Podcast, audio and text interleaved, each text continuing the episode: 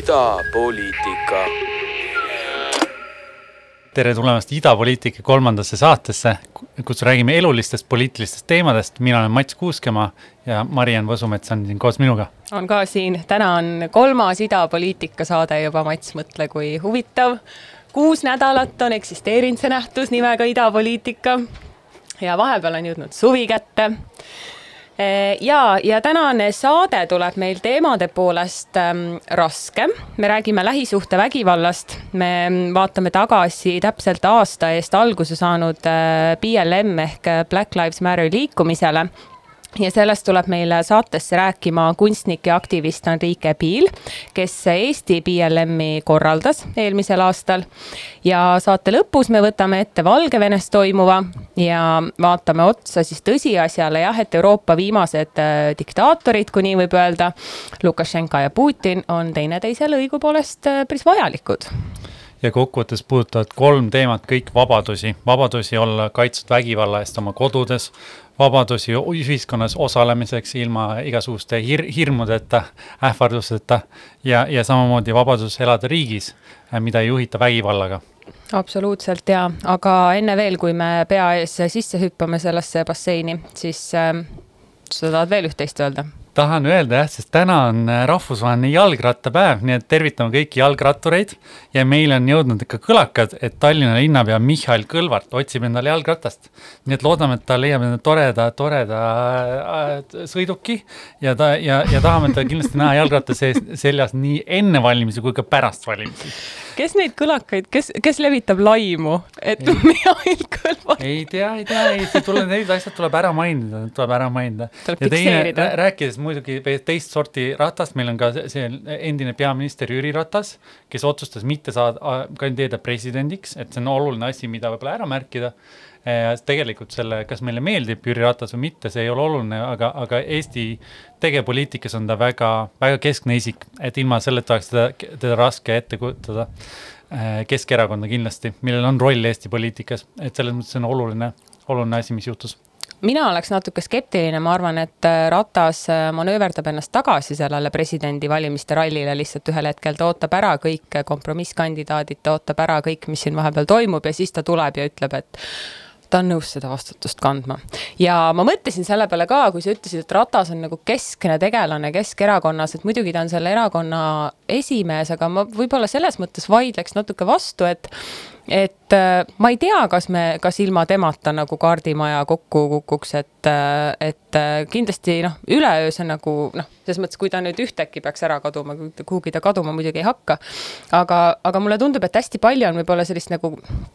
complacency't natukene meie poliitikas, et me oleme mingite tüüpidega ära harjunud ja me ei suudagi oma elu nagu ilma nendeta enam ette kujutada. minul on usku ja lootust, et Keskerakond ja iga erakond ilma oma praeguse juhita on ka jätkusuutlik ei, ma olen sinuga Või..., ma olen sinuga täiesti nõus, et, et vahest tuleb võtta see risk, aga samas see, et meil on Eestis Keskerakond ja meil näiteks ei ole Vene erakonda eraldi, et see on tegelikult päris suur saavutus. ja see, et nad on ilma Savisaareta läinud edasi ja selle, seda koos hoidnud ilusti, et, et see on, see on, see on tegelikult, seal on ka palju positiivset, kuigi meil ei pruugi kõik Keskerakonna juures üldse, üldse meeldida. just, ja karusloomafarmide keelustamise üle me rõõmustasime ka, eks ole jah, alates kahe tuhande kahekümne kuuendast aastast, siis on, on, on see keelatud. Riigikogu võttis ka vastu looduskaitse ja loo, loomakaitse seaduse ja see on kindlasti suur saavutus meie loomadele ja meie loomaõiguslastele, nii et palju õnne. ja kuigi jube pikalt läheb sinna ikka veel aega, aga no eks nad peavad oma kodinad siis kokku korjama vahepeal no,. majanduslikult on see muidugi loogiline, et, et antakse ette teada, selles mõttes see on, aga ja oluline, et see ja. lõpeb ja, ja mis veel, ma praegu avastasin, et meil on täiesti isetekkeline lühiuudiste rubriik, enne kui me esimese teema juurde läheme, aga kui juba lühiuudisteks läks, mina tahaks öelda, et minul on väga hea meel, et äh, maamaksu hakatakse ka ümber vaatama, täna tuli see uudis, et maamaks tahetakse siis viia vastavusse kinnisvara reaalse turuväärtusega ja tõsta seda kuni kümme protsenti, mis on juba tegelikult väga pikalt üle aja läinud otsus, et oli ka aeg aga me hakkamegi kohe rääkima lähisuhtevägivallast, see on teema, mis ei aegu ega ammendu paraku. ja kõik meie tänase saate muusika, kõik kolm lugu räägivad meile moel või teisel lähisuhtevägivallast ja me alustame Suzanne Vega looga, mis on väga tuntud sellistele lastele nagu meie, Mats, kes me üheksakümnendatel MTV-d kuulasime ja ka kõiki teisi asju, üheksakümnendatel oli see lugu lihtsalt ja see on ka Susanne Vega kõige kuulsam lugu, siis nimega Luka ja mm, see räägib vägivallast laste vastu ja me alustame sellega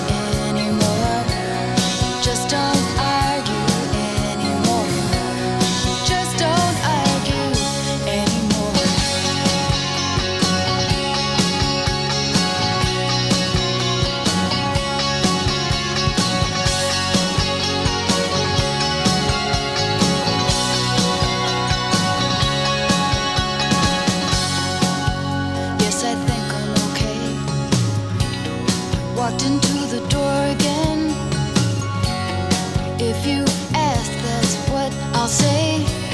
It's not your business.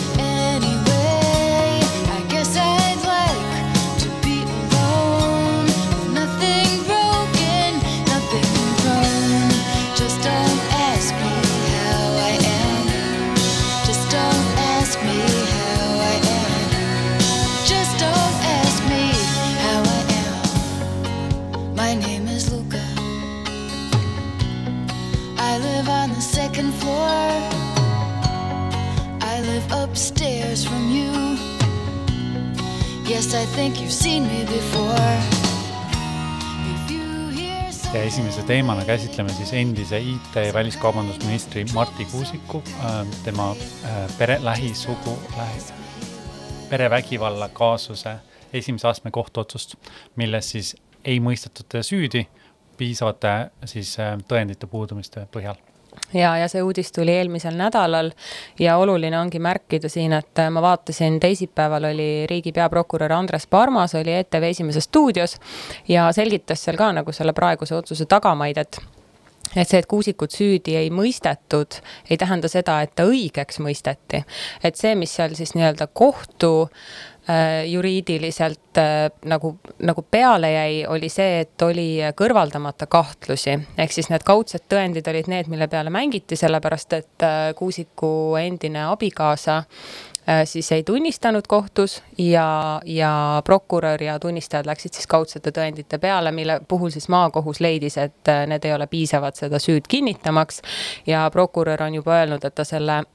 Äh, otsusega edasi kaebab, nii et midagi tegelikult veel otsustatud ei ole kindlasti olgu öeldud, noh, me ei võta ka nagu siin selles mõttes positsiooni, me lähtume ka sellest, kuidas see asi näib, sellepärast et sageli mingid argumendid ikkagi on väga mõjusad ja me teame, et lähisuhtevägivald ei ole lihtne tõendada. aga eile andis Pärnu naiste tugikeskus äh, Kadriorus üle president Kersti Kaljulaidile oma auhinna või tunnustusmärgi, mis kannab nime Okas, äh, selle eest siis inimestele, kes on ühiskonna erinevatele valupunktidele siis teravalt torganud. Ja, ja Margo Orupõld, kes on selle tugikeskuse juhataja, ütles siis pärast intervjuus äh, põhjenduseks, miks just president Kersti Kaljulaid selle auhinna neilt sai meil ei ole seda tugevat kõneisikut, kes poliitikutena otsustustasandil seda teeb. peale presidendi ei ole meil täna Eestis ühtegi sellist inimest. millise tundega vaatate te praegu õhus olevat äh, endise IT-ministri juhtumit, kes siis praegu esimese astme kohtus küll õigeks mõisteti, aga just see kaudsete tõendite teema on lähisuhtevägivallas ikkagi väga aktuaalne. kas meie kohtusüsteem oskab toimetada nendega? Seda me oleme oma kirjutisteski öelnud, et, et kui kaalukaks on saanud kaudsed, kaudsed tõendid. et eh, loomulikult ma olen peaaegu et kindel, et eh, paljud kohtunikud seda teemat ei mõista. kõike ei saagi mõista, aga midagi tuleb usaldada, sest selles kohtusüsteemis on ka ekspert kaasatud. et eh, need inimesed, kes seda teemat tunnevad, see, mis nad räägivad, on ju õige ja seda tuleb uskuda, mitte see, et, et mul on kuskil ka mingid noh, ütleme teadmatusest ei saa teha otsuseid. ja see, mis mis Eesti ühiskonnas toimub, ma ütleks, et see on igapäevane, aga kuna see teema tõstatus just sellepärast, et inimene tahtis saada väga otsustavale ametikohale ja vaat demokraatlikus riigis ei ole see väga okei. Okay.. et mitte see, et tavaline mees võib ka lüüa ja teha mis iganes, vaid et sa ei saa olla sellise seljakotiga nii otsustaval koha, ametikohal no nõnda ütles siis Margo Orupõld eile põhjenduseks, miks Kersti Kaljulaidile see mm, auhind ja tunnustus anti. Ja tõsi on, et Kersti Kaljulaid on väga järjekindlalt väga ebamugaval teemal rääkinud, ta on saanud nii poliitikutelt selle tõttu nahutada kui ka avalikkuselt ja just võib-olla sellist nagu parastamist ja sellist äh, väga labast nagu mõnitamist äh, teema puhul, mis seda üldse kindlasti ei vääri. ja väga õigesti minu meelest Orupõld ütles ka, et äh, ei paista ju tegelikult väga välja neid poliitikuid, kes ühiskonnas võtaks tegelikult tegelikult nii suure valukoha äh, endale rääkida, sest et äh, noh, kardetakse ka seda tegelikult, tegelikult ma isegi ei tea, mida kardetakse, et äh, me räägime ju nii suurest osast elanikkonnast, kes on vägivallaga moel või teisel kokku puutunud. ma arvan, et esiteks jah, et peresisene vägivald ei tohiks olla maailmavaateline teema, milleks ta on natuke Eestis kujunenud, et, et mõned lihtsalt eitavad seda, et, et see kindlasti ei tohiks olla, sest see mõjutab tervet ühiskonda, tervet poliitikat ja tervet Eestit ja, ja see on selles mõttes terve ühiskonna probleem, et see mõjutab depressiooni, alkoholismi, lastekaitset, suitsiidsust, väga paljusid aspekte. ja, ja me ei saa panna inimeste õnnetusele, traumale on hinnasilti külge, aga maailma tasemel hinnatakse, et kolm koma kuus triljonit ähm, dollarit on aastane kahju siis, mis on peresisene vägivald otseselt. ja ma arvan, see rahaline number kõneleb lihtsalt sellest, kui palju äh, vägivald pärsib inimeste potentsiaali ja pärsib nende noh, reaalset võimalust elada ja jah, ma, ma olengi nagu jah, üritanud mõelda, et, et, et noh, kuidasmoodi näiteks ma ei tea, liberaalsed erakonnad või noh, kõik on ju hukka mõistnud iseenesest, iseenesest nagu perevägivallaga, et, et. et mis tõesti võib olla nagu see, miks ei taheta seda teemat rääkida ja ma arvan, et see on mõnes mõttes nagu selline ebamugavus. inimesed ei tunne ennast nagu piisavalt võib-olla pädevana, et sellest teemast rääkida. ja noh, samas ma arvan, et ega sa ei peagi ju ekspert olema selleks, et juhtida tähelepanu mingisugustele asjadele ja neid kuidagi väga inimlikult äh, lahti rääkida aga üks väga huvitav artikkel oli Ekspressis äh, eelmisel nädalal ka, kus äh, jurist äh, Pähklemäe, kes kunagi on ka EKRE ridades kandideerinud, juhib tähelepanu tegelikult sellele, et, et, et noh me oleme üritanud nagu alati vältida seda käsitlust, et, et naised on nagu meestest kuidagi nõrgemad, eks ole, et noh, me ikkagi noh, seisame selle eest, et võr-, võimalused oleksid kõigil võrdsed. aga kui me räägime tõesti nagu sellisest füüsilisest või isegi mingisugusest nagu äh, bioloogilisest erinevusest, siis need asjad on olemas ja, ja, ja noh, see, see jõudude vahekord füüsiliselt, aga ka majanduslikult ei ole alati võrdne ja seda me noh, selles mõttes me peaks tõesti käsitlema naisi nagu, nagu noh, teistmoodi. Ja, ja see, mida ma võib-olla öelda tahan, on see, et naised on lihtsalt väga kergesti, palju kergemini kui mehed mõjutatavad ja palju kergemini kui mehed haavatavad. Majandusliku olukorra tõttu ja ka füüsiliselt, et kui tõesti lähebki nagu füüsiliseks vägivallaks, siis noh, need võimalused ennast kaitsta ei ole, ei ole võrdsed ja samamoodi kogu see laste läbimõjutamine ja nii edasi. ja, ja mida Pähklemäe veel väga huvitavalt ütles, on see, et või noh, ta juhtis tähelepanu tegelikult sellele, et tema kasutas kui sellist sõnastust, et naised on enamasti lambad, kui, kui, kui asi läheb nagu enda õiguste eest seismiseks, aga ta ei mõelnud seda nagu noh, ta küll parandas oma sõnastust pärast, aga see võib-olla nagu illustreerib hästi mahlakalt seda, et et sageli ka kardetakse tunnistada äh, vägivallatseja vastu ja noh, see võib olla üks teooria, mis selles Kuusiku juhtumis ka lahti rullub, äh, sest et äh, Kuusiku abikaasa Karin Kuusik on palunud äh, privaatsust ja ta ei taha sellest rääkida ja ta on öelnud, et seda ei ole olnud. Nii et aga prokuratuur ütleb, et neil on piisavad tõendid, muidu nad ei läheks üldsegi kohtusse jah, ma arvan, et seal artiklis oli hästi palju huvitavat, üks, üks huvitav asi, mis, mis öelda, oli ka see, et ohvrid ei toeta tihti teisi ohvreid, sest nad ei taha samastuda mm. -hmm. ja samamoodi, et, et perevägivald, see psühholoogiline mõju võib olla võrreldav koonduslaagriga ja mis ma võib-olla ütlen veel lisaks sellele, mis sa enne mainisid, et, et tõesti enamik, valdav enamus on naised, on kindlasti ohvri, ohvri rollis, aga me peame mõtlema ka laiemalt sellest teemast, et muidu see jääbki ainult naiste probleemiks, teine on see, et on ka teistsuguseid perekondi, on ju, kus äh, naine peksab psühholoogiliselt kasutab ära Ekspressi hiljuti üks lugu, kus äh, naine oli oma meest siis ahjuroobiga nagu müksanud ja mees suri ära, et, et see noh, neid, neid võib olla vähem, aga me peame mõtlema laiemalt, lapsed on ju ka perevägivalla ohvrid. jah, vägivalda ei õigusta miski ja lapsed tihti sellistest katkistest perekondadest kasvavad ka järgmised vägivallatsejad, küll aga see rõhuasetus äh, on natukene jah, seal kohas, et kui me süsteemselt nagu vaatame, siis ikkagi naistevastane vägivald on konkreetne vägivallaliik, mis üldse ei kustuta kuidagi ära seda, et on ka naisi, kes tapavad mehi. lihtsalt sageli võib nagu näha selliste meeste õiguste aktivistide poolt nagu seda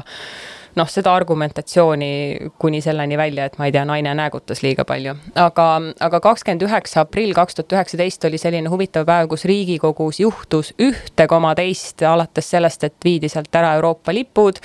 äh, kuni selleni, et president kõndis Marti Kuusiku ametivande andmise ajal välja, kuni siis selleni, et äh, tegime palju huvitavaid intervjuusid, sealhulgas Marti Kuusikuga, kus ta siis ise kommenteerib neid kõige esimesi süüdistusi, mis talle esitati ja kuulame seda ma ei ole olnud äh, kõige, kuidas öelda, stabiilsemas peresuhtes, sest ma tõepoolest olen ühe naisega nagu kaks korda abiellunud ja kaks korda lahutanud, aga toonitan, et ka kaks korda abiellunud ikkagi. nii et äh, see näitab võib-olla teatud järjepidevust pigem ja püüdu äh, kogu seda perekondlikku mängu kokku üles uuesti ehitada. praegu on tulnud lihtsalt sellised väga üldsõnalised väited, eks ole, väga jubedatest tegudest, milles ma nagu ennast absoluutselt osalisena ei näe, eks, nii et. Te eitate koduvägivalla toimumist? jaa, muidugi, absoluutselt, jaa, loomulikult, absoluutselt. no vot nii, ja mis äh, oli väga huvitav veel jälgida, et kui see otsus tuli eelmisel nädalal, siis minu meelest siis samal päeval või järgmisel päeval hakkas Kuusik juba nagu poliitilistel teemadel sõna võtma, midagi oli tal Reformierakonna kohta öelda stiilis, et Reformierakond ei sobi valitsema ja noh, justkui nagu noh, inimene ise nagu tunneb juba, et ta on täiesti good to go nagu. Rehabiliteeritud jah jah, ma arvan seda, et see kokkuvõttes see, et, et kuulsaid kaasusi tuleb välja, et see on ühiskonnale selles mõttes hea, et siis julgevad ka teised seda teemat tõstatada ja kindlasti on, on riik ka edasi arenenud, neid programme ja toetusi on, on rohkem, kindlasti mitte piisavalt peredele on ju, või naistele, kes tahavad põgeneda oma, oma siis abikaasa juurest, aga kindlasti neid programme on ka vaja nende vägivallatsejate tegelemisest, et vangla iseenesest ei, ei lahenda, on ju, asju üldiselt, et on vaja nagu rehabiliteerida neid inimesi ja õpetada neid ümber kuidagi nii palju, kui see on võimalik. Ja kindlasti teistes riikides selliseid programme on on? Ma arvan jah, et see empaatia peab kuidagi nagu ühiskonnas kasvama orgaaniliselt ja ma tahaks loota, et Eestis on ka vaikselt toimumas, aga selliseid riigipäid, selliseid juhtfiguure nagu Kersti Kaljulaid on meil hädasti-hädasti rohkem vaja. Õnneks arvamusareenil ikkagi neid inimesi on ka ja mitte ainult siis naiste seas, aga, aga minu jaoks jääb tõesti üheks suureks-suureks ja nagu selliseks raskeks küsimärgiks see, et et mis poliitikutel, noh, nad ei pea Kuusiku seisukohast sõna võtma, nad võiks rääkida sellest teemast nagu üleüldisemalt ja, ja miks mitte lisada seda oma ma ei tea, platvormidesse ja, ja nii edasi, et, et, et tahaks ikkagi nagu näha selle, selle asja vähenemist ja, ja ka kohtusüsteemi poolt seda kaudsete tõenditega opereerida oskamist ja ka seda, kuidasmoodi lugeda ikkagi seda inimest, kes on koduvägivalla all kannatanud ja mitte öelda siis, äh, lüüa kergekäeliselt ja öelda, et äh, ta ütleb, et pole olnud, järelikult pole, pole olnud, et see on kompleksne teema, aga ma usun, et me oleme riigina, sealhulgas kohtusüsteemina äh, nii kaugel küll, et see ei tohiks meil üle jõu käia, kui meil vaid see tahe olemas on aga just äh, jah, siis lähisuhtevägivalla teemadel, nagu ma ennist ütlesin, on kõik lood meil tänases saates, me kuulame järgmisena ühte sellist äh, näidet, kuidasmoodi on popkultuuris võimalik äh, glamuriseerida, ma ei tea, Mats, kas see on sõna eesti keeles, aga kuidas on nagu niimoodi ähm, noh, nagu nagu kuidagi võimalik nagu seksikaks mõnes mõttes mängida selline teema nagu, nagu vägivaldne suhe ja selline sõltuvussuhe, et äh, Lana Del Rey oma äh, üsnagi, tema lugudes on see läbiv, läbiv motiiv ja me, ja me kuulame ühte sellist ka, et kui, kui sõnadele keskenduda, siis selline, selline nõretav ja, ja vägivalda kuidagi nagu romantiseeriv käsitlus on, on selles loos olemas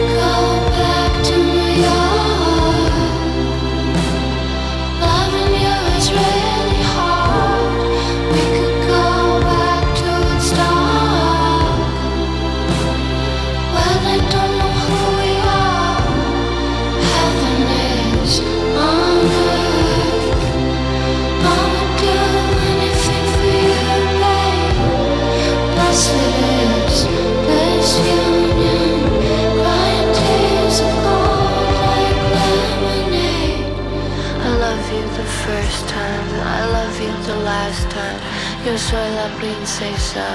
comprende mis white lines. Cause I'm your jazz singer, and you're my cult leader.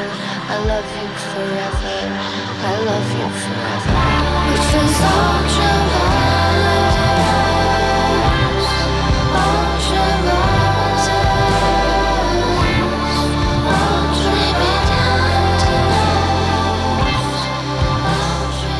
oli siis Lana Del Rey ja meiega on liitunud Enrique Piil, kunstnik ja aktivist ja kümnendal juunil eelmisel aastal toimus äh, ka Eesti versioon Black Lives Matter ähm,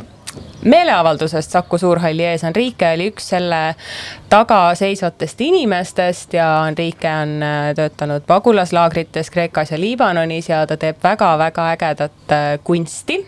aga selle BLM-i sissejuhatuseks ähm, me kuulame väikest äh, helimeenutust sellest, mis seal siis kümnendal juunil täpsemalt toimus. We want equality, we want justice, we want equality kahjuks on vaja tulla välja plakatitega, olgugi et meil on äh, mustanahaliste vähemusgruppide kogukonnad Eestis väga väiksed siis äh, juhtumeid on rohkem, kui võiks olla. juhtumid, räägime siis sellest, kuidas sõja eest põgenenud inimestele tänaval peale sülitatakse ja mustanahalisi läbi pekstakse mitte mingil põhjusel. on olnud juhtumeid, mis on jõudnud Eesti meediasse aga sellele on siis vastatud veel suurema rassismiga, mis on siis põhjus, miks võib-olla tavaeestlane äkki ei olegi kuulnud Äh, kõigest sellest, mis, äh, mida kogevad siis mustanahalised ja vähemusgruppidest kuuluvad inimesed. Marike, mis äh, tunnetega sa praegu kuulasid seda aastatagust ennast rääkimas? oi, ma ei teagi, nii kurb oli kuulata seda meeldetuletus, vaata pandeemia ajal kuidagi oled enda mulli sees ja siis äh,, siis kuidagi noh, kui me siin hakkame jälle ellu ärkama kõik, siis äh, eks need probleemid pole ikka veel kuhugi ära kadunud. aga õnnestus see üritus sinu hinnangul, jäid sa rahul sellega? kuule, jube lahe oli, me, see oli autopõhine, Ida Raadio põhine. ja, ja, ja sellepärast, et ma mäletan, mina käisin kajastamas seda veel ja seal oli see probleem, et see oleks äärepealt mitte toimunud, sest Saku Suurhalli esise parkla omanik ütles, et teie lapsed siia küll ei tule, ma ei luba teil oma territooriumile tulla ja siis pidi mingi eksprompt Ida Raadio mingi otseülekanne, ma mäletan, see oli väga segane, kuidas see lahenes? see oli kaks tundi enne, kui me, kui protest pidi olema, meeleavaldus pidi olema, siis äh, PPA-st helistati, üteldi, et teid ähvardatakse kohtusse kaevata, kui te sinna lähete äh, mässama. Ja siis muidugi, kuigi PPA siis äh, tuli nii-öelda vastu meile, politsei- ja piirivalve, piirivalveamet siis tuli meile vastu, et kuidagi nad handle isid selle olukorra ära siis nad ka tulid sinna liinibussi suuruse politseibussiga ja nelja eh, eriüksuse bussiga ja salamentidega. Et noh, nad tulid, nad küll tulid meile vastu, aga ma kahtlustan, et nad tulid meile vastu sellepärast, kuna umbes viissada inimest olid koos autodega juba Saku Suurhalli ette tulemas ja neil oli lihtsam eh, see lasta meil ära teha, kui eh, meid ära saata aga sa oled käinud ka Kreekas ja Li Liibanonis pagulaslaagrites, et mida, mida peaks võib-olla Eesti avalikkus teadma nendest inimestest, kes seal elavad ja, ja mida peaks võib-olla eurooplased rohkem tegema nende jaoks? sinu, sinu tunnetuse järgi, see on mõjutanud ka sinu kunsti natuke, et sa võiks selle sellest see on rääkida. täielikult mõjutanud tervet mu elu. aga noh, Liibanon, Liibanon ja Kreeka on kaks eri lugu meile, eurooplastele sest äh, Euroopas on meil võimalik mõjutada Kreeka olukorda. Kreekas siis praegu hakatakse pagulaslaagrit ümber ehitama kõrgeid seinu, mis on ilmselt inspireeri-, inspireeritud siis Donald Trumpi nendest äh, seintest, äh, mis ta seal tahtis ehitama hakata. ja olukord kuidagi ei parane, et inimesed, kes nendes laagrites on, no jumala eest, ma kohtusin seal inimesega, kes oli Iraagis, töötas äh, äh, majandusministeeriumi jaoks. Ta oli minister ühel hetkel või ametnik olnud ministeeriumis ja siis ta oli seal samamoodi äh, telkide vahel äh, koos äh, teiste inimestega koos. aga noh, need, kes on jõudnud Kreekasse, need pagulased, nad ikkagi üldiselt tulevad vähe jõukamast taustast, sest see on jube kallis jõuda Euroopasse ja inimesed, kes siia tulevad, tulevad siia sellepärast, kuna Euroopas on inimõigused väärtustatud üks mõjusamaid maale, mis sinu ateljees ka seisab, millest sa loobunud ei ole ja ma isegi ei tea, kas see üldse kuulub arutamisele, kas keegi selle võiks omandada, on äh, väga ilus äh, akrüülmaal paadipõgenikest Vahemerel. Ähm, neil on päästevestid seljas ja sügav-sügav sinine taevas, kus on kuldsed Euroopa Liidu tähekesed, et millest see maal sündis? noh, see sündiski Vahemeres, see see on ka põhjus, mille pärast äh, Black Lives Matteri korraldamine minu jaoks oli väga oluline, et äh, noh, see küll sai alguse, Black Lives Matter sai USA-s alguse, sest USA-s on äh, omad suured probleemid, millest me kõik teame, siis Euroopas, meie Euroopa probleemid tihtipeale jäävad ma ei tea, kas rääkimata, kajastamata Eestis, ma ei mäleta viimati, millal oli artikkel sellest, et praegu siiamaani Aafrikast tulevad inimesed upuvad Vahemeres, sellepärast kuna Euroopa Liidul on lihtsam lükata need paadid tagasi Liibüa meres, meredesse ja lasta siis Liibüal tegeleda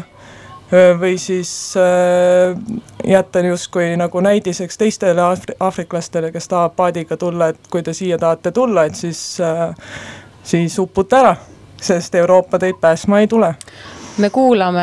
veel, mida BLM-i Eesti üritusel osalejad äh, ütlesid, kes sinna kohale olid tulnud. Eestis on veel suurem probleem, sest siin ei ole inimesi, kes näeksid, et rassism toimub siinsamas kohapeal ka iga päev, kuna meil ei ole nii palju mustanahalisi, aga rassism on täpselt sama tõsine probleem nagu igal pool mujal maailmas, võib-olla isegi tõsisem probleem. Going on the street I feel very like I feel I don't belong this to this place because the looks people give me on my face, like even when I feel like I should enjoy my life, but I feel like I don't need to go out because I don't know what's gonna happen to me outside. I don't know how, what it's gonna be like when I go outside. Somebody sees me like maybe I'm bad. I feel like that the point of going out it doesn't need. I, I mean I feel very tired of going out, so it always makes me to stay in my house. This is not the kind of life I want. rassism Eestis on kindlasti hästi tõsine probleem ja see jõuab meieni äh,, aga see jõuab meieni väikestes katkendites, et äh, mida, mida on näha, on see, et Eestis võib-olla kõige suurem aafriklaste kogukond on tegelikult tudengid, kes on siia tulnud õppima. ja paljud neist isegi, ma ei tea, seitsme aasta järel ei leia endale töökohta. ja nad jäävad, ma ei tea, Bolti autojuhtideks või midagi sellist, et, et kuidas me ei suuda neid üldse integreerida, et kas meie haridus on halb või, või kuidas me ei suuda neile tihti leida nagu häid võimalusi Eestis noh, kui äh, palkajaks ei ole keegi, kes on äh, välismaalt pärit, siis on, äh, jääb see ikkagi eelarvamuste taha kinni, ma kardan. et äh, nojah no. sa oled ise nii palju rääkinud nende inimestega, ma tean, et George oli üks nendest ähm, kellega te, kes oli ka korraldustiimis teiega seal ja, ja noh, Eesti-Aafrika kogukond oli teil ikkagi kaasatud, kui te seda korraldasite. et äh, mida vestlustest nendega välja on tulnud? No alustuseks on välja tulnud see, et nad on äh,, ma ei ole kohanud siiamaani kedagi ebasümpaatset, kedagi, kes ei vääriks äh, normaalset elu ja turvalisust ja rahu. et mille pärast üldse Nigeeriast päris paljud on siia tulnud äh,, mulle on räägitud sellest, kuidas noh, nad ise ütlevad, et Eestis on võimalik enda unistusi täide viia palju kiiremini kui Nigeerias, et Nigeerias on kõik äh, altkäemaksu läbi käib äh, kogu nende elu ja sa pead muretsema enda elektri pärast, sa pead puhta vee pärast muretsema, et sul on niisugused pisiasjad, mis võtavad sul ikkagi nii suure aja elust. ja siis nad tulevad Eestisse, Eestis on noh, tegelikult see, kuidas siis Eestit reklaamitakse välismaalastele, on noh, nagu kuldgloobuse võitmine, on ju, kui nad saavad siia õppima tulla, aga jah, ega see on, kellelegi, kellelegi ei meeldi, kui nendega räägitakse halvasti, nagu kujutage ette, et keegi tuleb tänaval teie juurde ja lihtsalt ütleb teile, kasi minema siit? Kao ära siit. et nagu ma ei tea, ma ei saa nagu tegelikult aru, mis noh, intelligentsel inimesel ei peaks enam tänapäeval olema põhjust siis olla sitapea teise inimese vastu lihtsalt sellepärast, et on mustanahaline. sest äh, see, kui palju elu ja rõõmu nad on minu ellu toonud, inimesed, kellega ma olen siin tutvunud e-, Eestis, see on minu vaadet Eestist juba niimoodi muutnud, nad on mulle õpetanud nägema Eestis rohkem neid positiivseid asju, kui äh, kui see pool minust, mis vahepeal päris kibedaks tahtis muutuda ja Eestist äh, on ära ajanud kuule, aga aktivisti elu on ikkagi mõnevõrra raske ka, sellepärast et äh, aktivistide kogukonnad, ma tean, sageli aktivistid äh, pettuvad selles, mida nad, mida nad teevad, kuna nad millegipärast eeldavad, et kui sa oled aktivistide kogukond, siis te olete ka sõpruskond. Äh, see ei ole tegelikult päris sama, te seisate nagu ühe poliitilise agenda eest ja seal tekib päris palju tegelikult hõõrdumisi ka aktivistide enda sees ja ma tean, et sa oled öelnud, et ka selle BLM-i korraldamise juures on olnud väga palju selliseid äh, priviligeeri-, priviligeeritud, ära hellitatud äh, jõmpsikaid, kes teevad seda lihtsalt sellepärast, et see on popp, saamata üldse aru, mis tegelikult toimub. ja teil on ka teistel teemadel olnud seal hõõrumisi, et kuidas sa nagu hindaks, kas see, kas BLM-i nagu korraldusmeeskond on miski, mis võiks nagu kunagi veel kokku tulla või mis kogemus sul nagu aktivismi ajamisest jäi? tead, see tiim, kellega me korraldasime, vaatamata sellele, et me oi, mis äh, öid me veetsime üksteise peale karjudes, et välja nuputada, kuidas me pandeemia ajal siin kaks pluss kaks äh, ilma helita protesti saaksime korraldada ja mis iganes, siis äh, meie väärtused on need, mis meid hoidsid koos ja me saime sellest aru, et me ei lähe sinna protestima enda pärast, et äh, see on lihtsalt meie kohustus, mis aga mul on Eestis aktivismi puhul tähele või nagu silma jäänud äh, noorte poolt äh,, ma, mul on väga hea meel, et noored on aktiivsed. Ja ma ei taha neid, neid kuidagi ära hirmutada, aga sellised väited nagu teeme meeleavalduse, aga jätame poliitika kõrvale ei äh,, ei ole nüüd päris õige, sest äh, see kõik ongi poliitika, see kõik ongi süsteem. ja sellepärast me peamegi meelt avaldama jah, ma küsiks võib-olla positiivse poole pealt ka, et kindlasti on, on Aafrika kogukonda, kes Eestis on võib-olla leidnud endale õnne ja võib-olla hea, hea tegutsemiskoha. et, et kas oskad võib-olla ka selle, selle kohta kommenteerida? ma ei teaks aafriklasi, kes äh, õnne ei kiirgaks kogu aeg. ses suhtes, et mul on noh ma, ma arvan, et asi on ka selles, et äh, suur osa neist on usklik, ükskõik mis usku nad on, aga üldiselt, kui inimene on usklik, siis äh, tal on usku millessegi suuremasse, ehk siis kui äh, ühe naisterahva peale keegi siis bussis sülitab, äh, sest ta on mustanahaline ja siis karjub talle get out of my country. eks see muserdab, aga see, et nad raputavad selle maha tõuseb püsti ja ajavad enda asja edasi, et see on väga inspireeriv minu arust. ja sellepärast mulle väga meeldibki läbi käia nii aafriklastega, araablastega, sest äh, noh, neid ühiskond lihtsalt, mitte ainult poliitikaga, aga ühiskond pidevalt surub maha, aga nad ikkagi tõusevad püsti, nad ei jää virisema ja nad ei jää vaevlema, nad äh, leiavad endale viisi, et edasi minna, üldjuhul. ja see on väga, väga tore, kui inimene leiab selle jõu endast, aga see on ka väga mõistav, kui inimesed seda jõudu ei leia endast. Annika, mida sina järgmiseks teed, mis sinu järgmine ettevõtmine on? oi, ma siin endiselt lõpetan enda dokumentaalfilmi ja neid just, maale ja asju, aga dokumentaalfilm juba hakkab ilmet võtma, mis on päris lahe sinu dokumentaalfilmi nimi on Nii palju, kui mina tean. see sai endale uue nime vahepeal, Rahu peale pagulust rahu peale Peace in Exile. Peace, Peace After Exile, Peace, in Exile on, on see sinu... projekt, mis ma olen pagulaslaagrites tüdrukutele teinud. Peace After Exile on äh, äh, Eesti ja jah, sest me ei ela enam sõjas, me või, võib-olla tihti viitame enda kibeda iseloomu ja kõikide enda probleemidega enda ajaloole, et meie ajalugu on põhjustanud seda, teist, kolmandat, aga me ei ela enam sõjas ma soovitan kindlasti Enrique kunstiga ennast kurssi viia, sellesama Peace in Exile projektiga. Samamoodi, sellel on ka oma eraldi Instagrami leht, ma olen näinud neid fotosid, sa pildistasid neid tüdrukuid äh, seal pagulaslaagrites. Äh, me oleme mõnega nendest kohtunud ka, nad on rääkinud, kuidasmoodi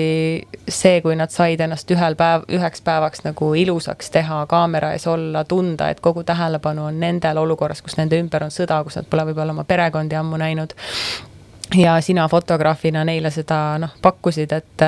et see on tõesti nagu hästi liigutav, milliseid viise on võimalik leida väga väheste vahenditega, et inimestele nende inimväärikust tagasi anda. jah, see on ses suhtes, et nendes pagulaslaagrites ka ähm, ma, ega ma alguses, kui ma sinna läksin, ma täpselt ei saanud arugi, mida siis see niisugune projekt äh, kellelegi pakkuda võib, aga see lihtsalt, see pani, pani neid, neil mõtted nagu lukku mõtted kinni, et nad ei mõelnud kõige selle raskuse peale, mis nende ümber olid, aga nad saidki lihtsalt olla tšikid. tavalised tšikid, nagu me kõik oleme kord olnud, ikka tahame ennast ilusaks teha ju. no me loodame sind näha varem või hiljem millegi eest kusagil jälle seismas ja sinu häält rohkem meedias näha. Õnneks sa sinna sattunud oled ja inspireerinud ka nooremaid inimesi, et näe, mingi selline, mingi selline hot chick võib teha mingeid asju, ma tahan tema moodi olla, isegi kui ma arvan, et poliitika peaks meeleavaldustest kõrvale jätma. Et vähemalt algus seegi, suur aitäh, Enrique, sulle, et sa tulid täna. aitäh ja me jätkame oma lähisuhtevägivalla teemaliste lugudega ja see viimane lugu räägib siis sellest, et kui vägivaldsest suhtest pääsenud naised otsustavad lõpuks kokku tulla ja siis äh, otsida üles selle mehe ja siis äh, võtta tema osas midagi ette. ei soovita järele teha, aga markeerime ära, selline laul on äh, olemas ja noh, ühesõnaga võrdlemisi humoorika sisuga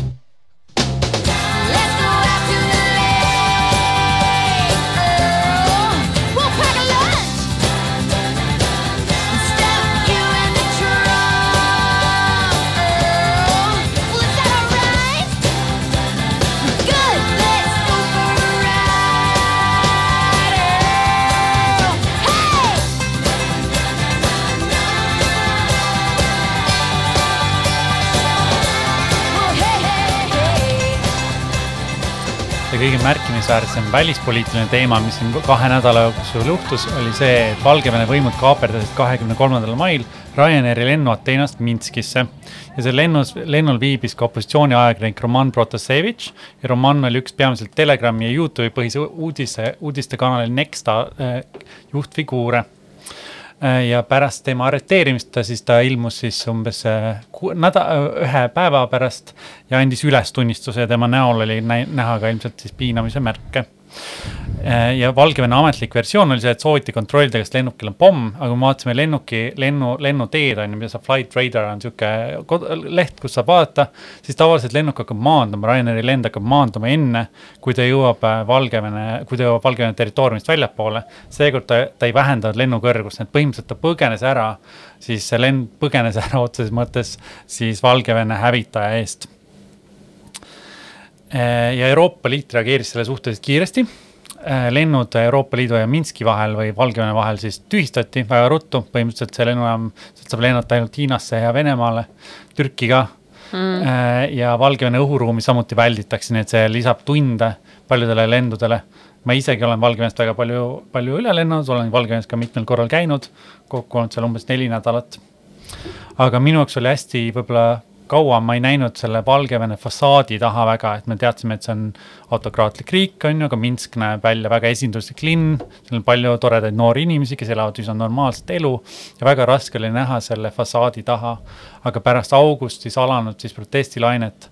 me nägime tegelikult, et inimesed väsisid sellest, sellest, sellest režiimist ja tahtsid midagi muud. et see oli nagu väga-väga tugevalt näha Äh, eile mul oli rõõm siis ka suhelda ühe noore valgevenelasega, kes elab Eestis ja kes rääkis mulle just seda, mida nemad tunnevad ja kuidas, kuidas neil, kuidas neil läheb. sest see aeg on ju, mis on sellest protestide algust on hästi-hästi pikk olnud, tegelikult äh, varsti saab aasta ja see masendus lihtsalt ei lõpe ära, et nad elavad selle, selle nagu infomulli sees, et neil on, neil on kodused, kodu, kodumaal, nemad on võib-olla väljas äh,. ja palju sõpru-tuttavaid, kes on vangis, on ju ametlik arreteerimiste number. see eelmise aasta protestilaine ajal oli kolmkümmend kolm tuhat inimest ja see on ametlik number. jah, kujuta ette, et sa lihtsalt lähed sihukest hulka inimest nagu lihtsalt arreteerima ja Valgevene on muidugi kümne miljoni riik, et ta on natuke suurem kui Eesti, aga see on, see on sisuliselt nagu. ja need on poliitvangid, keda sa mainisid, jah? Need on poliitvangid, täpselt. ja, ja üle tuhande inimese on ametlikult esitanud kaebuse piinamise üle. et see on siis ame, jällegi ametlik number. jah, et see raskus nende jaoks ongi see, et see nagu ei parane ega parane, nad nagu tahavad sellest midagi muutuks, aga, aga midagi ei muutu no vot, ongi see, et kui nagu mingit isiklikku linki Valgevenega ei ole, et mina Valgevenes käinud ei ole, äh, siis ongi noh, me saame ainult meedia vahendusel teada sellest ja ju nende opositsioonijuht Svetlana Tšihhanovskaja käis teist korda nüüd siin sel nädalal, mu mäletamist mööda esmaspäeval ka Kersti Kaljulaidiga kohtumas. Ja ja, ja väga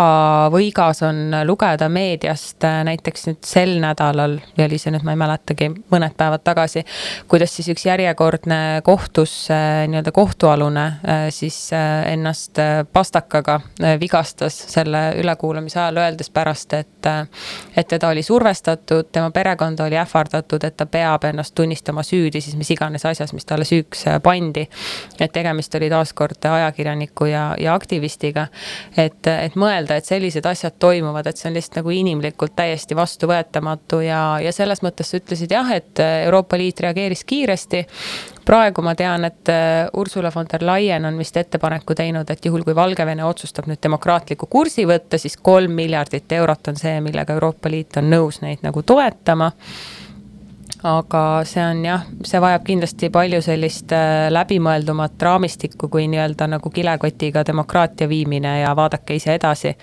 Et sellised asjad me teame, ei ole toiminud, aga ma tean, et sina ütlesid mulle ka enne, kui me seda arutasime, et, et õnneks need nagu struktuurid on olemas, äh, kuidas toetada riiki, ilma et sa sekkuksid riigi siseasjadesse, et saaksid sa sellest äkki rääkida? ei, absoluutselt Euroopa Liidu arenguabi ja üldse paljude riikide arenguabi, et me oleme ju seda andnud väga paljudes riikides, et selles mõttes need projektid on, kuidas sa koolitada inimesi, see on hästi oluline, et, et ametnike, mingil määral ametnike vahetus toimub, kui me vaatame kasvõi Eesti re, siis režiimi vahetust üheksakümmend üks. Eestis juhtus see, et väga paljud inimesed lasti lahti ja võeti noored inimesed asemele riigiteenistusse. ja seega oli nagu palju lihtsam nagu liikuda demokraatiasse, liikuda kapitalismi, on ju. et sul on, mida, mida rohkem sul on verevahetust, seda lihtsam see on, aga inimesed vajavad tohutult palju koolitust sel ajal iga, igas valdkonnas. et, et kui see juhtub, siis kindlasti, kindlasti Eesti on olemas ja Eesti on aktiivselt äh, kaasab ja panustab ja see on üks aspekt ka, mis on Eesti arenguabis positiivne. et me oleme tegelikult keskendunud idapartnerluse riikidele eelkõige, et riikidele, keda me oskame kõige rohkem aidata. et meil on ju sarnane üleminekukogemus, sellepärast Gruusia ja Ukraina näiteks on riigid, kuhu Eesti on kõige rohkem, rohkem panustanud arenguabi mm. -hmm. aga võib-olla korra tulla Valgevene juurde tagasi, et Valgevene režiimi puhul ongi see suur küsimus, et mille, mille peal ta seisab mille peal, kaua ta seisab, et see oli, see ka küsimus, mille ma esitasin ka noorele valgevenelannale ta ütles mulle seda, et, äh, et need, kes on sealt režiimist välja tahtnud tulla, et nad on juba tulnud. et need, kes on sinna alles jäänud Lukašenkat kaitsma, et nemad ilmselt kaitsevad seda lõpuni. Valgevenes väidetavalt riigiteenistujatest iga üheksas inimene on politseinik, seal on hästi palju erinevaid politseinikuid mm., politsei, politseiliike äh,. Lukašenka puhul on ka see oluline, et ta, ta juhib äh, riiki väga otse, et on ju see presidendi administratsioonil on hästi suured nagu tugevad juured erinevates riigiasutustes. näiteks kohtunikud, ülikoolide ja koolide juhid haiglate juhid, oblastite juhid, kõik on Lukašenka poolt isiklikult määratud, on ju. kohtunikud, eks ju, teevad otsuseid inimeste üle, panevad neid vangi. kui režiim muutuks, on ju, keegi koputaks ka nende uksele võib-olla. ülikoolide ja, ja koolide juhid näiteks loevad ka valimistel hääli äh,. haiglate juhid on ju, kes saab haiglasse haiglaravi, et, et seal on nagu tohutu, tohutu mõju. otseselt inimestel, kes on puhtalt tema, tema valitud jah, ja kindlasti on äh Putini jaoks ütleme selline Lukašenka võimul püsimine nagu noh, hea selles mõttes, et nad on väga sarnase juhtimisstiiliga, muidugi Valgevene ei oma pooltki nii suurt võimu ega mingisugust olulisust äh, nagu, nagu Venemaa, aga noh, Putini jaoks ei ole see kindlasti nagu mingisugune soovitatav või noh, soovitav asjade kulg, et Lukašenka sealt nüüd ära läheks ja sinna mingisugune noh, Navalnõi-laadne inimene nagu asemele tuleks. Aga, aga Lukašenka on võimul olnud ju kas aastast üheksakümmend kolm või neli alates, et no kujutage ette, et meil oleks sama peaminister või president, kui meil oleks presidentaalne riik.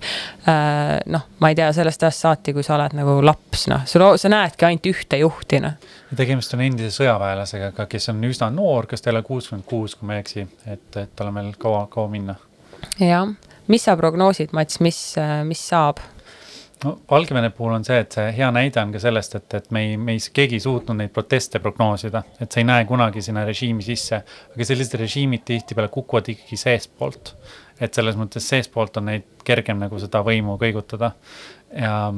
jah, et selles mõttes väga raske on ennustada, aga nagu sa ütlesid, Venemaa jaoks hästi märgilise tähtsusega. kui Valgevenes protestid tekkisid, siis ka näiteks Ida, Ida-Venemaal siis äh, Siberis oli ka suur protestilaine, sinna ilmusid sildid, et toetame Valgevenet. Et see side on kindlasti olemas ja seetõttu oleks väga-väga raske Putinile lasta Valgevenet minna, nagu neil oli ka väga raske lasta, lasta Ukrainat minna rohkem vaba, vaba, vabamale teele, aga Ukraina valik oli rohkem Euroopaga seotud, Valgevene valik tegelikult ei ole Euroopa Venemaa, Valgevene on võib-olla, me peaks võrdlema teda rohkem Armeeniaga, et on demokraatia vabadus või mitte, kas igavesti mm. üks juhtub, mitte, et see ei tähenda otseselt, et nad tahavad Euroopaga integreeruda. ja kusjuures isegi see, kui Svetlana Tšihhanovskaja saaks presidendiks, see praegune opositsiooniliider, ka see ei pruugi tingimata tähendada seda, et nad Euroopa kursi võtavad või et nad Venemaast kuidagi nagu kaugeneksid, et et noh, Tšihhanovskaja oma intervjuudes on ka alati öelnud seda, et nad tahavad õiglasi valimisi, vabu valimisi, aga ta on hästi üldsõnaline selles osas, et millise nagu ähm, noh, sellise globaalse kursi Valgevene peaks võtma, et ma arvan, Valgevene, Valgevenel võib üldse olla väga raske mõelda endast kui riigist kontekstis, et millise globaalse kursi sa võtad, sest noh, ta ei ole globaalsel tasandil nagu kunagi mingisugune mängija olnudki. ja ma arvan, et nad isegi ei, ei mõtle selles kategoorias jah, Valgevene rahvuses on ka üsna nagu nii-öelda noor, võib-olla niivõrd välja, välja töötamata, aga, aga võib-olla olulised asjad on see, et ma uurisin ka, et mida, mida, mida peaksid e-, noored eestlased tegelikult tegema, et, et mida me saame teha Valgevene jaoks, valgevenelaste jaoks, kes, kes võitlevad oma õiguste eest. ja üks äh, soovitus anti, on selline Facebooki grupp olemas nagu Estonian Friends of Belarus et jälgige, like ige äh,, samamoodi Instagrami klubb Voices of Belarus. et see on nende jaoks oluline, et me vähemasti teame, me natuke jälgime, mis seal toimub ja me toetame neid, et see on, see on oluline, neil on ka väiksed kohtumised Eestis ja nii edasi, kui kellelgi on rohkem huvi ähm,. ja iga, kui poliitikud kuulevad, on ju, siis on umbes viiekohaline äh, number IT-spetsialiste lahkunud Valgevenest, väga vähesed on tulnud Eestisse, umbes paarsada Äh, Poola ja Leedu olid palju nagu nii-öelda tervitatavamad nende suhtes, et, et võib-olla siin on midagi, mida saab teha. praegu on raskus ka Covid, Valgevenes ei, ei süstita vaktsiine peale Sputniku, on ju. Sputnik ei ole Euroopa Liidus ka nagu kinnitatud ja, ja D-viisa omanikke, kellel on Eesti D-viisa, kes on näiteks koju läinud vanematele külla. Nad ei saa tagasi, sest Leedu ei lase neid läbi, lennata nad ei saa mm. -hmm. et, et meil on sellised nagu praktilised probleemid, mida, mille, mille osas saaks midagi teha ja samamoodi Valgevene opositsioon nagu laiemalt on ju. Tihhanovskaja ja muud, et neil lõpeb vaikselt ka raha otsa, nad ei saa Euroopa Liidult äh, ja ega Euroopa valitsustelt väga raha vastu võtta. sest muidu öeldakse neile kohe, et nad on kellegi teise poolt kinni makstud. aga võib-olla nad saaks võtta era ettevõtetelt raha või niimoodi, et, et seda, seda mulle ka mainitud mm, -hmm. kui keegi tahab Valgevene jaoks midagi teha ja teatud hulk sanktsioone on praegu ju Valgevenele kehtestatud, et ma tean, et on mingisugused ähm, äride, rahade ja varade külmutamised olnud, siis on viisakeelud, sissesõidukeelud suurele hulgale Valgevene ametnikele Euroopa Liitu. ja palju on Tihhanovskaja käest ju küsitud seda ka, et kas need sellised piirangud või sanktsioonid Valgevene suunal ei tee olukorda veel hullemaks ja ta on nendel, kui ta käis Eestis eelmise aasta lõpus ja nüüd, kui ta käis siin esmaspäeval, ta on mõlemal korral vastanud, et, et noh need enam olukorda hullemaks ei tee, sest tavaline Valgevene inimene nagunii kuhugi ei lähe, temal nagunii väljaspool Valgevene piiri mingit vara ei ole. et ikkagi äh, sanktsioneerida neid inimesi, kes seal neid niite tõmbavad ja seda puslet äh, koos hoiavad, et äh, ta ei ole kõige efektiivsem, aga see on sihuke noh, best you can do, ma kujutan ette jah, sanktsioonidega on alati raskus, et, et toime panna on väga keeruline ükskõik mis olukorras, aga, aga midagi tuleb teha ja vähemalt sel korral Euroopa Liit reageeris suhteliselt kiiresti. just oh, Mats, ma tahaks visata dressi maha ja öelda, et meil on väga raskete teemadega saade olnud, olgugi et Enrique oli selline päiksekiir meil siin vahepeal, aga aga ei ole lihtne ma, ma, nüüd ütlen midagi väga imalat, ma hoiatan, et ei ole, ei, ma parem ei ütle ka, sest see läheb üldse muidu käest ära, ma olen nii üleväsinud, et ma ei ütle parem midagi ähm,. aga on tõesti olnud rasked teemad ja, ja ega muud noh, selles mõttes ega noh, parim, mis me teha saame, kui mitte kuhugi nii-öelda võitlusesse joosta, ongi lihtsalt see, et neid asju tunnetada, läbi mõelda ja osata neid märgata ja.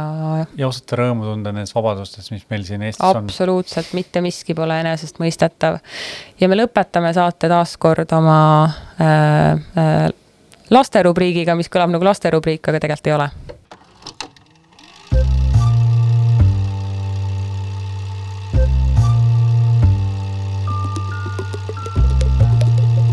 väikesed suured asjad. aga Mariann, räägi siis enda last la,, lapsikutest tegemistest vahepeal lapsikutest tegemistest, ei, ma tegelikult tahaksin meie äh, nunnu pealkirjaga rubriigis Väikesed suured asjad ähm, soovitada, sest äh, selleks see mõeldud ongi, et me siin soovitame. ja kui seal presidendi juures vastuvõtul eile käisid äh, Pärnu Naiste Tugikeskuse inimesed, siis oli seal ka Margo Orupõllu tütar, kunstnik Flo Kasearu, kelle väga vajalik ja mõtlemapanev ja hästi äh, heade metafooridega näitus märtsis kunstihoones oli elust välja lõigatud, et siis Flo Kasearu oli seal ka eile presidendile auhinda üle andmas koos oma ema ja teiste naistega. ja Flo Kasearu ja Jan Kausi poolt välja antud raamat Vangerdused, kus on siis Flo joonistused sees ja, ja Kausi tekstid, ongi ammutanud siis inspiratsiooni Pärnu Naiste Tugikeskuse naiste lugudest ja selle raamatu keskne teema on koduvägivald. ja tulemuseks siis nii-öelda see, mis sinna kirja on pandud, on siis sellised luupainelikud muinasjutud, et see on selline väike kollane raamat, nad kinkisid eile ühe sellise ka presidendile. ja ja seda tasub, tasub lehitseda, sest et ega me muud moodi inimlikest empaatilistest lugudest aru ei saa, kui me loemegi teiste inimeste lugusid, et noh, me võime seda statistikat lugeda, see on ka vajalik, aga ikkagi see inimlik suhestumine on, on väga oluline. ja sina, Mats? mina käisin kahel näitusel üle pika aja, ma teatrisse veel ei ole jõudnud, ma ootan seda ka, järgmine nädal on plaanis aga ma käisin kunstihoone kevadnäitusel, mis on tore näitus, sellepärast sealt saab, äh, sa ei pea midagi ostma, aga sa saad kõik, kõik teosed on müügil, vaata, mis sa saad, saad näha, et palju on kunst. sa saad hindadega kurssi viia. ja vaatad, saad näha ka, mis on ära müüdud. aga nüüd see kahjuks on kinni, kinni pandud, aga seal oli väga palju, palju äh, Eesti kunstnikke ja see oli väga, väga tore, tore asi, mida vaadata. ja teine asi, teine näitus, mis ma nägin, oli natuke perekonnaga seotud. Äh, see on ähm, Lennusadamas on Bruno Linnebergi kes oli siis Eesti ähm,. nii. jah, ta oli luureohvitser äh, mere, Eesti mereväes ja siis ta pidi hakkama saama teises maailmasõjas. ja ta oli minu vana, vanatädi mees juhuslikult ka. no vot, said perekonna ajalugu käia vaatamas. tema lugu käisin vaatamas, see oli päris huvitav ka, ma pean tunnistama ja üks asi, mis äh, septembris meid ees ootab, äh, mis, äh, mille esimene etendus toimus sel nädalal, aga millegipärast nad lükkasid selle septembrisse, on siinsamas Telliskivis on Vaba Lava etendus nimega Error nelisada kolm, mis on alles tulemas, aga piletid tasub ära osta, sellepärast et september on teat-, ütleme hea teatri mõttes ukse ees, kui me piletitest räägime ja see on poliitiline näidend äh, sellest samast Valgevene revolutsioonist, millest me rääkisime. ja selle lavastaja ongi just poliitiliste näidendite poolest maailmas tuntud Valgevene Vaba Teatri asutaja Nikolai Halesin. ja ta ise ütleb, et tema lähenemine teatrile on sarnane nagu uurival ajakirjandusel äh, teemadele. et tema see Valgevene Vaba Teater tegutseb praegu Londonis nii-öelda eksiilis ja, ja siis ühe sellise on ta võtnud siin Eestis lavastada, et president jagas ka, tema käis seda esimest etendust vaatamas siin vist esimesel juunil, et jagas oma sotsiaalmeedias ka muljeid. see oli siis seotud selle Tšihhanovskaja visiidiga, aga kõigil on võimalik seda näha, minu teada oli seal vähemalt julgelt kuus, seitse, kaheksa näitust septembris. et kui selline asi tuleb äh, koju kätte, et siis ähm, tasub minna vaatama. aga aitäh teile kõigile kuulamast meie kolmandat saadet andke meile teada, mis te arvate, meile väga läheb korda. absoluutselt, ilusat nädalat kõigile ka. ilusat nädalavahetust ka